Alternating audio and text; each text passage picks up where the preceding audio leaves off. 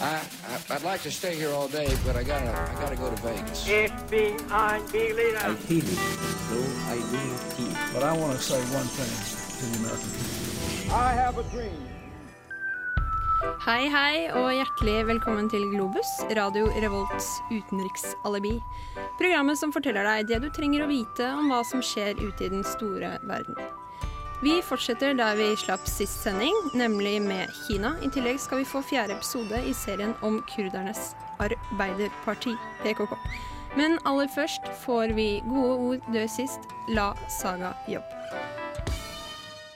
Gode ord dør sist med La Saga jobb. Eh, Du hører på Globus. Mitt navn er Vanja Trones, og med meg i studio har jeg som vanlig Sigmund Grønli Bolme. Oskar Kjetland Rabben. Knut Åsamer. God dag, mine herrer. God dag, god dag. God dag. Vi skal ha en eh, Kina-spesial eh, i dag. Jeg fortsetter der vi slapp sist gang. Episode, ikke episode, sending nummer to.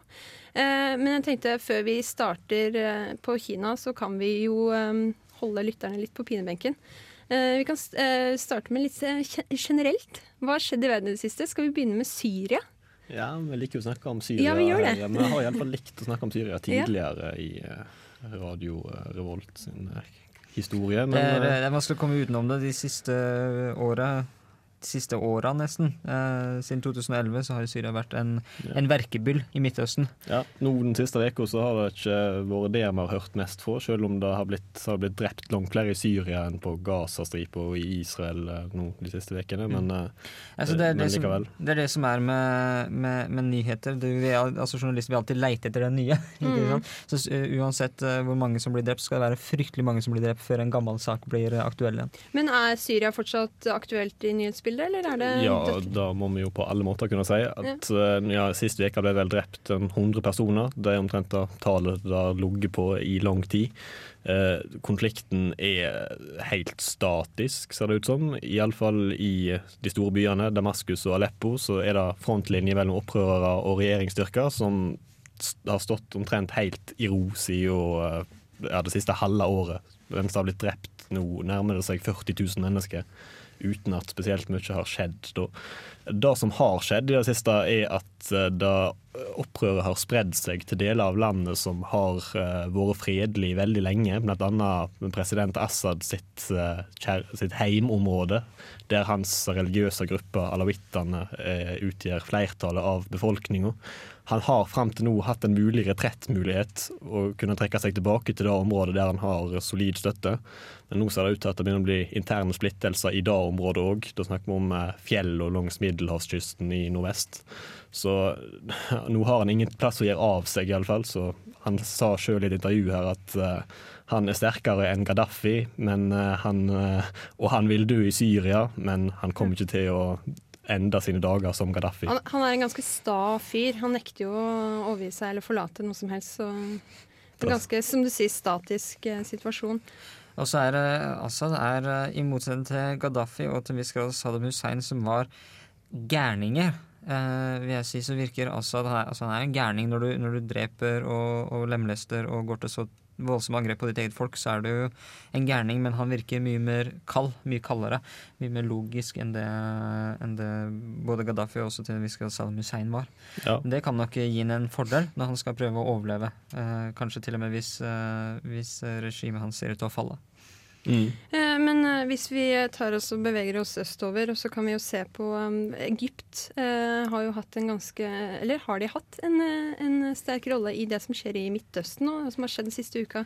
De har jo gått inn der som fredsmeglere. Det er jo et, et ordtak som man bruker, og det er at man kan ikke skape eh, krig i Midtøsten uten Syria. eh, og du kan ikke skape fred i Midtøsten uten Egypt. Eh, og det har vel kanskje egypterne vist nå de siste dagene, når det i stor grad var de som pressa gjennom den våpenhvileavtalen du har nå mellom eh, Israel og Gaza. Ja. Ja, for i Syria der har ikke Egypt hatt noen Nei. eh, fredsskapende rolle så langt, i alle fall. Nei. Så det, Eh, men, men, eh, men nå er det kommet på plass en våpenhvile i, eh, i Gaza. kom kom på plass en våpenhvile, og den, det- jeg vet ikke detaljene med den, men det tok en stund, og Israel var lenge eh, ikke villig til til å gå med på den, så det virker som egypterne har kanskje gått hardere ut mot Israel enn det de israelittene er vant til. Mm. Og det sa vel, sa vel altså presidenten i Egypt òg nå, at eh, folk og verden kommer til å merke at det er det muslimske brorskapet som, som sitter med makta i Egypt. ja, det blir interessant på litt lengre sikt å se hva det innebærer, nettopp da. For eh, Egypt er jo fortsatt en eh, alliert av USA. De får jo fortsatt eh, milliarder i militærstøtte av USA. Så sånn sett så er iallfall militæret tilknytta USA og den gamle skal vi si, avtalen med Israel. Mens eh, de sivile styresmaktene er jo litt i utakt med militæret sånn sett. Ja, Det er jo konflikter, eh, konflikter i Egypt nå. Det, er, eh, det muslimske brorskapet har jo eh, lyst til å hindre domstolene, altså ta vekk domstolenes mulighet til å, til å oppløse parlamentet. Eh, og det er veldig interessant, for du, du ser altså kimen og, og den oppbyggende konflikt mellom det sekulære Egypt og, og det muslimske Egypt. Eh, og det skal bli veldig interessant å se hvordan det, det kommer til å utvikle Ja, seg. Ja, Kjempeinteressant. Det er en god overgang for det som eh, vi skal få høre litt om snart, nemlig episode fire i, eh, i serien om kurdernes arbeiderparti, Knut. Eh, er det siste episode, eller? Eh, For semester er det jo det, Ja. siden dette er siste sending. Men det blir nok ikke siste episode. Siden det, det mer jeg eh, går gjennom saker og researcher om PKK, så bare popper det opp mer og mer interessant informasjon som rett og slett ikke dagens presse tar opp. Så det, er, det skal handle om, eh, om voldsbruken, da. Og hvordan tyrkerne ser på denne voldsbruken. Så det blir interessant. Det blir kjempeinteressant. Episode fire altså i Knut Årsammers serie om eh, PKK, kurdernes arbeiderparti. Først skal vi få litt hardtslående musikk. Eh, Vi får eh, Sunswitch med Concord. This is Jabba Man, bigging up all the gang, them looking hot and ready and sexy. You're listening to Radio Revolt in Atran MCT. Yo, you know how we're doing it. Lock it off. Boom!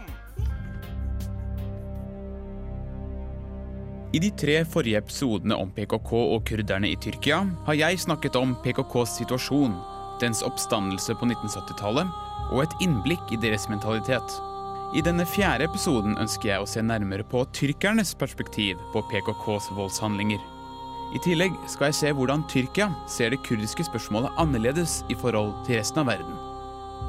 Tyrkia som nasjon har utviklet seg unikt siden republikkens oppstandelse i 1923. Helt til den kalde krigens slutt i 1990 var landet et lukket samfunn. Nato var mer eller mindre det eneste sterke bindeleddet til Europa og Amerika. Men gjennom de siste 20 årene har landet blitt en betydelig del av mange europeiske foreninger og internasjonale utdannings- og utvekslingsavtaler. Allikevel er det en lang vei igjen til å kalle Tyrkia en fullverdig, moderne og demokratisk nasjon. Landet har hatt en enorm økonomisk og materiell vekst, men det er fortsatt mange områder som ikke lever opp til forventningene til f.eks. EU eller den vestlige verden generelt. Dette gjelder da spesielt utdanningsmuligheter, et altomdekkende helsevesen og ikke minst et moderne rettssystem. Kombinert med PKK-situasjonen har vi et land med moderne muligheter og sterke internasjonale bånd, men som fortsatt holder seg til en veldig konservativ, nasjonalistisk og nærmest utdatert innenrikspolitikk, med voldelige interne konflikter. Men hva kan dette ha med PKK å gjøre? For det første påvirker denne ubalansen selvfølgelig den tyrkiske befolkningen. De demokratiske manglene i Tyrkia skaper, som i hvilket som helst annet land, frykt og usikkerhet. Da hjelper det heller ikke med faren for et regjeringskupp fra militærets side, som har skjedd flere ganger tidligere i landet. Det er med denne frykten PKK kommer inn i bildet. Siden de voldelige opprørene begynte på tidlig 1980-tallet, har over 30 000 sivile, både tyrkere og kurdere, omkommet i konflikten mellom regjeringen og PKK. Der den ene partens undertrykkelse og militær offensiv bare fyrer opp den andres motangrep og hardnakkede motstand. Det er derfor ikke merkelig at Tyrkia har investert enorme summer, over 500 milliarder norske kroner, i sikkerhet og i forsvaret. I tillegg til at dette øker trefningene mellom PKK og regjeringen, undergraver denne enorme fokusen på PKK også synet på de vanlige, ikke-involverte kurderne som bor i landet. PKK selv hjelper heller ikke med å fredeliggjøre situasjonen ved å nekte sine voldshandlinger som sammenlignbare med regjeringens. De ser heller på volden som en reaksjonær eller motvold mot regjeringens vold, og dermed ikke sammenlignbart. Tvert imot mener de det er en rettferdig reaksjon til regjeringens behandling av kurdernes kultur, rettigheter og undertrykkelsen av kurderne som en selvstendig folkegruppe. Med dette i bakhodet er det ikke vanskelig å se en fastlåst situasjon hvor begge parter er like dypt involverte i problemene. På den ene siden har vi regjeringen, som ser det som sin plikt å forsvare sitt folk, og ønsker ikke å gi etter for PKKs krav om kurdernes fulle rettigheter og autonomi på lik linje med tyrkerne. På den andre siden har vi PKK, som svarer konsekvent med å fortsette angrepene til regjeringen anerkjenner deres krav. Volden har blitt det eneste virkemidlet. Men som vi ser altfor tydelig, er selve volden hovedproblemet. Hovedproblemet i PKKs endelige mål å skape likeverd mellom tyrker og kurder. Ikke i det fiktive Kurdistan, men i det landet der de har bodd sammen i århundrer. Tyrkia. Følg med i neste episode, der jeg går dypere inn i PKKs tolkning av deres egen voldsbruk, og hvordan de ønsker å fredeliggjøre situasjonen hvis de får den tyrkiske regjeringen til å forhandle.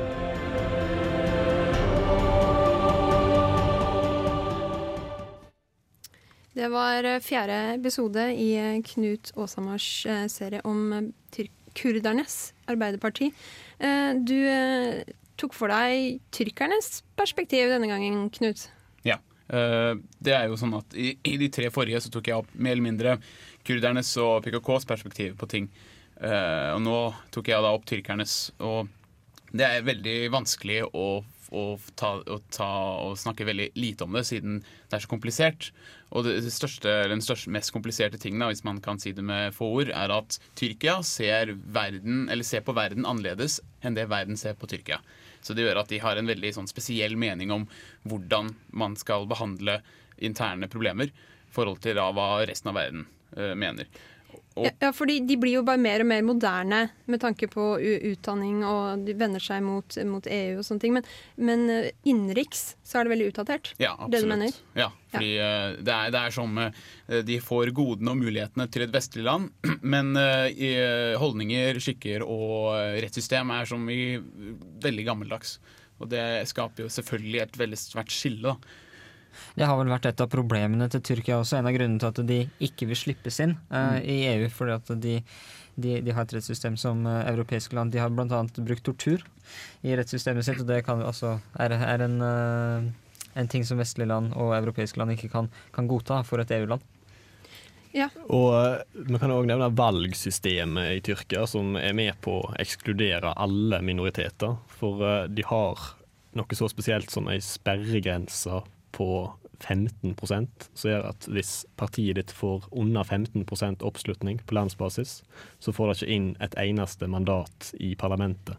Det vil si at et kurdisk parti da, som kan, har muligens et makspotensial på 10-12% av befolkninga, eller av stemmene, siden kurderne ikke utgjør med større andel av befolkninga, kan aldri få inn noen i parlamentet. Med med mindre de eh, stiller bare som enkeltpersoner i de ulike valgdistriktene, og det er det de gjør, da.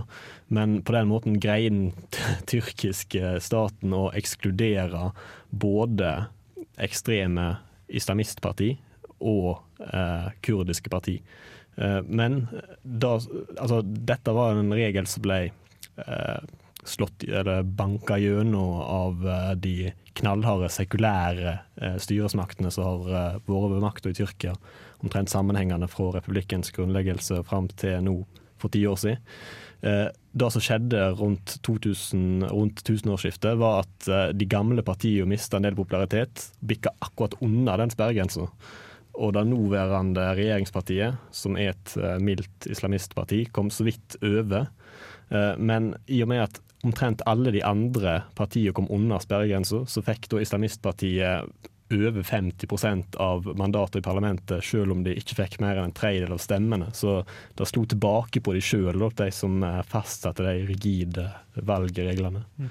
Nettopp det at islamistene tok makta i Tyrkia, har jo ført til at hæren uh, er kommet i, i konflikt med, med styrings... Uh, altså regjeringa. Mm. Fordi at hæren er strengt sekulær.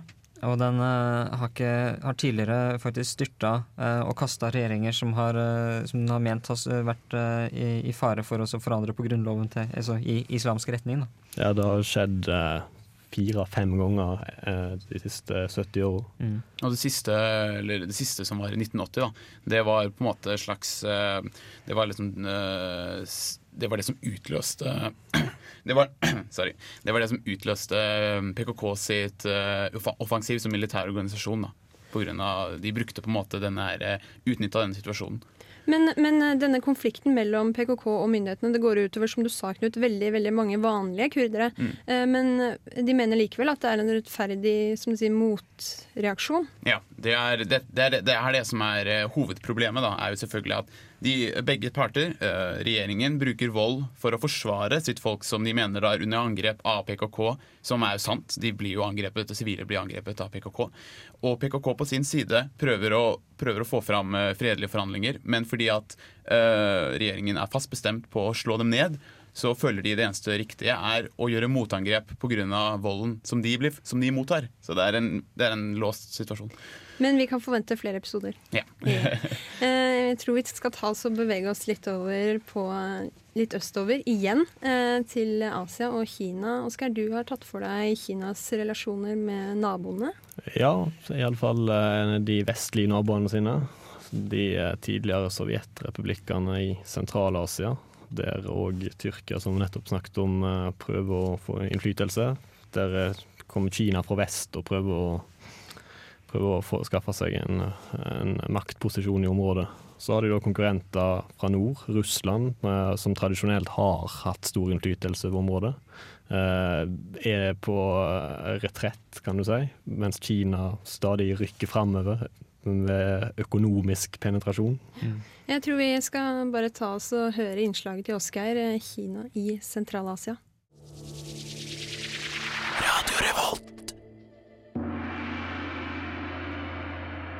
Tajikistan. Et isolert fjelland trygt plassert mellom 7000 meter høye fjell, som til alle tider har hindra effektiv kommunikasjon med omverdenen. Sammen med sine like fjerntliggende naboland, som òg ender på stan, var Tadsjikistan fra 1800-tallet og fram til 1991 underlagt Tsar-Russland og senere Sovjetunionen. I dag prøver Russland å opprettholde innflytelsen sin over denne oljerike regionen, men de møter stadig sterkere konkurranse fra den store naboen i øst, Kina. Kina har aldri presentert noen overordna strategi for hva for en politikk de skal føre overfor Sentral-Asia, men summen av handlingene deres de siste åra gir en klar indikasjon på at Beijing ser på Sentral-Asia som en svært viktig brikke både i kinesisk innenriks- og utenrikspolitikk. For den nordvestlige Xinjiang-provinsen, som grenser mot både Kasakhstan, Kirgisistan og Tadsjikistan, er tett kontakt med de sentralasiatiske republikkene helt avgjørende for den økonomiske utviklinga. I fjor gikk over 70% av all eksport fra Xinjiang til disse nabolandene i vest, og kinesiske styresmakter gjør det de kan for å legge til rette for å øke denne handelen. Det blir bl.a. gjort ved hjelp av enorme infrastrukturprosjekt som bedrer kommunikasjonslinjene i området. Kina planlegger ei transeurasisk jernbanelinje som innen 2025 skal gjøre det mulig å reise med tog fra Shanghai til London på bare to døgn. Mange andre vei- og jernbaneprosjekt er i gang, eller har allerede blitt gjennomført av kinesere i f.eks. Tadsjikistan. En gassrørledning har blitt bygd fra Turkmenistan til Kina, sånn at gass fra Kaspihavregionen ikke lenger trenger å bli frakta via Russland. Og om noen få år vil svært mye av Kinas olje- og gassimport kunne gå over land gjennom vennlig sine naboland, i stedet for over havet, som i dag. Ja, Oskar. Eh, Kina snur seg mot sine vestlige naboer? Ja, de snur seg vel i de fleste retninger for tida. Ja, men de... ja, de, for å kunne utvikle seg økonomisk, så blir sagt, så trenger de eh, å øke handelen og kommunikasjonen i det hele tatt med alle naboene sine.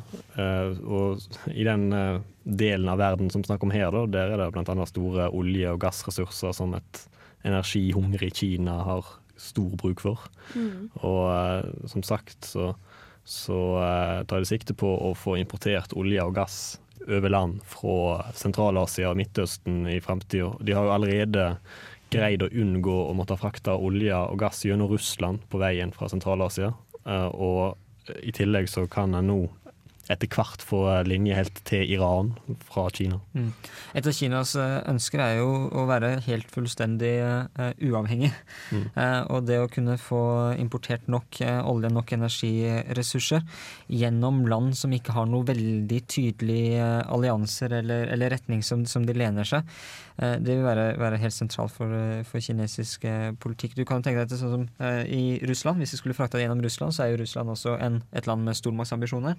Eh, og faktisk en viss eh, har tidligere Russland og Kina, det er ikke så mange som vet, de har utkjempa kamper eh, og krig under den kalde krigen, faktisk. Det er en av grunnene til at eh, Kina åpna seg til USA. Eh, Fordi de, eh, Richard Nixon retta seg mot Kina for å eh, hjelpe, hjelpe kineserne mot russerne. Så de vil unngå da å, å legge noen sånne ledninger innen, innen Russland pga. Som, som Russland potensielt eventuelt kan, kan stoppe hvis det skulle bli en konflikt. Tar du, hvis du skal frakte med til sjøs, så er det jo da den, i hovedsak den amerikanske marinen som vil kunne stoppe, stoppe all sånn transport. Ja, og nå har de jo allerede greid å, å unngå Russland i denne transportlinja, i og med at de har bygd linja linjer direkte fra Turkmenistan via Kasakhstan og Usbekistan. Eh, Og i denne regionen her så er det jo nettopp Russland og Kina som kjemper om innflytelse. Så eh, hvis Russland skulle greie å få et skal du si, militært overtak i området, så kan jo da være like problematisk for Kina som om de måtte eh, ha frakta olje via Russland. Men sånn det ser ut, så begynner de sentralasiatiske republikkene å bli så økonomisk avhengig av Kina at den russiske militære innflytelsen ikke er så faretruende som den har vært. Eh, Og den russiske militære innflytelsen er vel heller ikke den, jeg, jeg tror kanskje den er overvurdert. eh, Tatt i betraktning at eh, russerne ikke har et veldig mye større militærbudsjett enn det f.eks. Frankrike og Storbritannia har. Så er hæren veldig stor, men den er ofte dårlig utstyrt. Og det er et gigantisk område som de må være nødt til å dekke og passe på. Men eh, Kina er et land med veldig mange forskjellige folkegrupper. Har det noe å si i forhold til at de nå eh, vender seg mot vest? Vest Ja. i Kina, er det ikke der de fleste folkegruppene bor? Ja, det er, det er interessant at uh, i grenseområdet mot disse sentralasiatiske republikkene så bor det mange fra de samme folkeslagene som det gjør på, på vestsida av grensa. Og det er et både fordel og ulemper for Kina, fordi vi kjenner jo til uigurene i Kina sitt opprør, eh, sin kamp mot sentralmakta i Beijing. Det er jo et tyrkisk folkeslag som er beslekta med eh, innbyggerne i både Kirgisistan, eh, Kasakhstan, og Turkmenistan og Usbekistan og Tyrkia. Og i deres øyne så vil de tyrkiske sentralasiatiske republikkene være potensielt vennligsinna. Så i Kina prøver å oppfordre Tyrkia til å investere i Xinjiang-provinsen, sånn at eh, skal du si, innbyggerne der skal bli overbevist om at eh, Se her, Tyrkia kommer og investerer. Det er ikke bare Beijing som kommer og investerer, det er fordi vi vil eh, få hele regionen opp å stå. Det er ikke fordi Beijing vil skaffe seg større kontroll over området at vi, at vi ønsker å utvikle den økonomisk. De prøver å, å hente vennligsinna kapital fra utlandet, for å si det på den måten. Og Det vil kanskje være noe de trenger også, tatt i betraktning at eh, Kinas, altså Beijing blir ofte beskyldt for å være diskriminerende overfor alle folkegrupper som ikke er han-kinesere.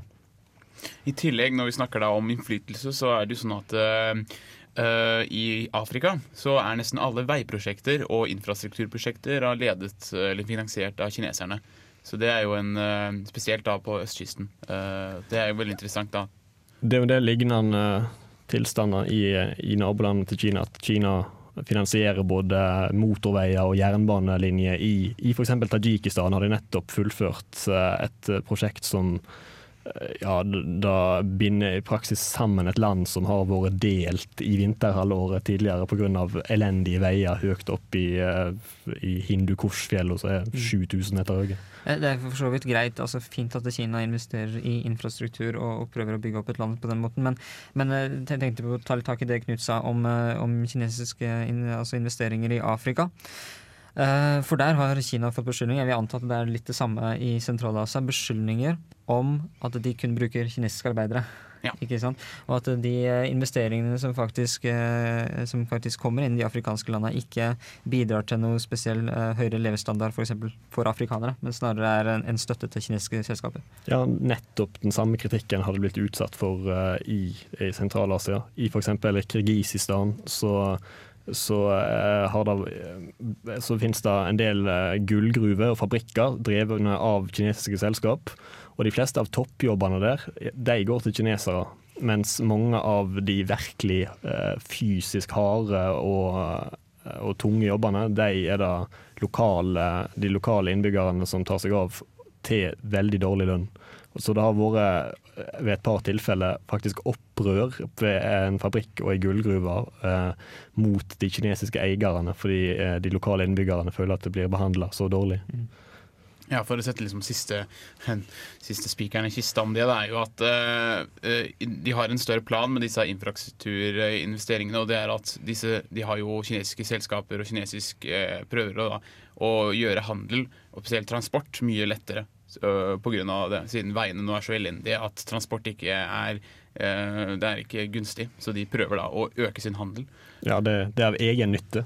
Ja. Går Går litt på kinesisk eh, nei, innenrikspolitikk, dette her også, Ja, faktisk. det, vi skal prøve å dra denne sendinga videre. Eh, vi skal se litt på om eh, konfusianismen kan få en liten oppblomstring etter eh, Hvit pels med 'Livet er underbart'. Det var Hvit pels med 'Livet er underbart'. Vi skal eh, bevege oss over på noe som kalles for konfusianisme.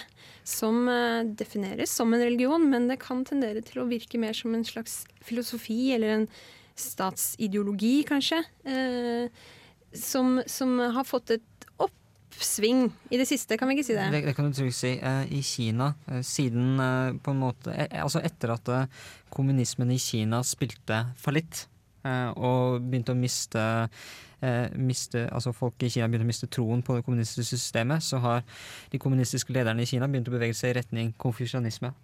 Det er jo en, en filosofi som er eldgammel. Eh, Den eh, kommer eh, altså sånn fra rundt år 400 før Kristus. Begynte den å, eh, å vokse opp og, og bli, eh, bli sterk i Kina.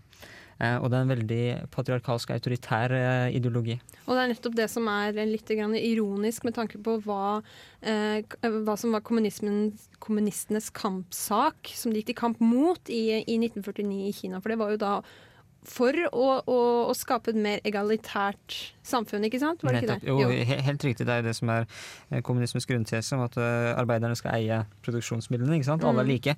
Og i kommunismen så har du en veldig viktig idé om at kvinner er like mye verdt som menn, eh, og har like mye rett til å eie produksjonsmidler og har like samme stilling. Det fikk du jo til og med i Øst-Tyskland, så fikk du jo plutselig så fikk damer som var veldig etter at kommunismen tok gjorde sitt inntog i Russland og Øst-Tyskland, så fikk kvinner som, eh, som eh, tidligere hadde vært undertrykt, fikk muligheten til å bruke sin evne til å jobbe, til til å bli ledere på arbeidsplassen. Eh, til, altså I 1990, rett før Sovjetunionen falt sammen, så har du gamle babusjkaer i Sovjetunionen som har bilde av Stalin inni bibelen sin. Ikke sant? Eh, og, og det, det er veldig ironisk at eh, en sånn ideologi som konfusjonismen skal eh, bli brukt av et kommunistisk Altså det som de sier er et kommunistisk parti. For Fordi, for i ko- konfusianismen så legges det vekt på at alle skal kjenne sin plass. Nettopp. Ja. Eh, og hvis vi går da på kvinner, eh, så er f.eks. kvinnen underlagt tre menn i livet sitt. Eh, underlagt sin far først, og så sin, sin mann, altså den eh, hun gifter seg med, eh, og så sønnen sin når han blir voksen. Eh, det er veldig spesielt, syns jeg, altså for, for som filosofi, at kvinnen faktisk også er underlagt sønnen sin når han, han blir voksen. I tillegg så er det åpent for menn å ha flere konkubiner. Eh, og det forventes at kvinner et, Hvis mannen dør, så skal kvinnen fortsatt være, altså avholde seg fra all seksuelt samkvem med andre menn, da, selv om hun altså nå ikke er gift lenger. Men har denne eller, eh, filosofien blitt uglesett eh, av kommunistregimet frem til nå? Altså, den har eh, kommunistregimet samme som i, i Russland. Så når, når kommunistene tok makta og lagde Sovjetunionen, så undertrykte de jo undertrykte de jo den ortodokse kirken, f.eks. Sa, samme ser i Kina, at det er ikke blitt undertrykt i samme forstand, men alt av filosofi som ikke er kommunistisk, blir da satt til side. Det du så under andre verdenskrig i Sovjetunionen, var at Sovjetunionen Sovjet, Stalin brukte den ortodokse kirken til å samle landet. Rundt, rundt seg og rundt, eh, rundt moderlandet. For han trengte en religion faktisk, i tillegg til bare ideologi. Eh, Du kan eh, altså trekke sammenligninger mellom det som skjedde da og det som skjer nå i Kina. At eh, kommunistpartiet er i trøbbel, og de trekker inn gamle ideologier. Ja, det er lurt av et eh, maktorgan som styrer på et noe tvilsomt legitimt grunnlag, å kunne knytte til seg den slags populære eh, organisasjoner eller filosofier, religioner. Da. At en, eh, det, blir, det blir inkorporert i styresmaktene. Mm. Og i tillegg eh, til, nå, har jeg snakka litt, om- litt om kvinner, men du kan, du kan se, på, se på hvordan menn har det. For menn er da underlagt sin sjef, altså sin, sine ledere, og spesielt keiseren. Keiseren sitter på toppen i konfusjonisme og har sin makt fra Gud. Men det som er spesielt der, er at eh, hvis, hvis keiseren, eller lederen, da, ikke handler etter folkets beste, så har folket rett til å gjøre opprør og kaste denne lederen. Eh, Ja da. Eh, og det er eh, en lojalitet som går begge veier. Mm. Lederen, altså keiseren, eh, har plikter som eh, han skal utføre i forhold til de som han styrer. Samme som at de som blir styrt, har plikter som, som de må utføre overfor den som styrer. Eh, selv om eh, etter hvert som keisermakten ble sterkere i Kina, så ble disse keiserens plikter ble, gjort mindre. da. Altså De ble dytta litt til side. Men, men de er der i den originale konfusjonismen. Det er helt riktig. Men, men per i dag så er det ikke lov å være aktiv religiøs og samtidig være medlem av kommunistpartiet, stemmer ikke det?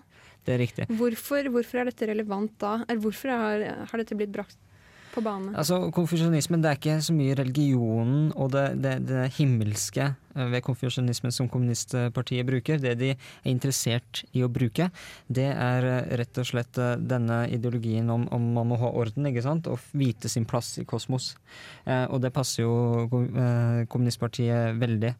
I tillegg så har kommunistpartiet Det går litt på utenrikspolitikk igjen eh, seinere. Eh, men eh, de har vært veldig flinke til å trekke inn nasjonalisme. Og kinesere er veldig stolte over Confucius. Altså, det, det må man være klar over. De er veldig stolte over sin, eh, sin eh, historie og sin kultur og sine tradisjoner. Men da at de eh, nå i de siste årene har valgt, altså at kommunistpartiet i de siste årene har valgt å knytte seg nærmere denne uh, filosofiske retningen, eh, tyder da på at de sjøl ser på det som at eh, de ikke lenger har nok støtte bare som et kommunistparti, at de trenger noe annet å støtte seg til? Eh, Det er iallfall sånn jeg vil tolke det. Mm. At eh, Jeg vil tro at kommunistideologien og kommunistpartiet har mista en god del legitimitet i det kinesiske folket. Og at de derfor ser etter andre måter å legitimisere sitt styre på. Men har, har Ping noe, noe spesielt formening? Har han uttrykket noe om konfusjonismen nå, som ny leder? Altså, Den nye lederen eh, han er en veldig konservativ eh, kommunist eh, Altså medlem av kommunistpartiet. Han har ikke uttrykt noe spesielt. Det er, det er sånn som vi sa i forrige, forrige episode av Globus, han er vanskelig å få taket på. Altså, han, er, han sier ikke noe veldig i én retning eller den andre, men han er sønn av en eh, tidligere eh, toppkommunist. Og han er veldig konservativ i uttalelsene sine, men jeg vil tro at han følger partilinja. Ja. Altså, det er en grunn til at han har blitt valgt. Eh, jeg kan si så mye at eh, Da Den himmelske freds plass sto ferdig etter eh, restaurering for noen år siden, så ble det reist en statue av Konfusius. Den forsvant eh, ganske fort, for mm. å si det sånn. Ja. Eh, ingen vet hvem som tok den ned, men den ble tatt ned. Eh, vi skal eh, bevege oss litt videre i sendinga, se litt på Kinas framtid. Eh, jeg skal avslutte denne lille sekvensen med et sitat fra Konfusius. Det edle menneskets dyd er som vinden, og de små menneskenes dyd er som gresset. Når vinden blåser over gresset, må de bøye seg. Nå får du Lindstrøm med fårikål. Ja, vi skal eh, prøve Skal vi synse? Nei, kanskje ikke. Vi skal eh, se litt på Kinas framtid, kanskje. Kinas forhold med USA. Har det, blir det bedre? Jeg syns vi kan synse. Ja. Vi er Globus, vi synser. ja greit. Eh, Hvis vi snakker om eh, kinesiske forhold til USA, så har det jo til nå, etter 70-tallet, etter Nixons åpning av Kina, så har det forholdet vært ganske godt, egentlig. Relativt godt. Mm. Men vi er jo glade i Globus i å snakke om, eh, om eh, statsvitenskapelige teorier med stormaktspill etc. Og eh, hvis det er ei stormakt som er i ferd med å vokse fram nå, så er det jo nettopp Kina. Eh, og vil ikke den eh, nåværende verdensordenen bli totalt omvelta hvis den veksten holder fram? Eh, kineserne sjøl mener faktisk at den verdensordenen som man har sett, altså den amerikanskledede verdensordenen, allerede er totalt omvelta. Eh, internt i Kina og kinesiske politikere, når de, når de snakker i fora sånn som G20, eh, G8 eh, Når de snakker i sånne fora, så snakker de om en multipolar verden.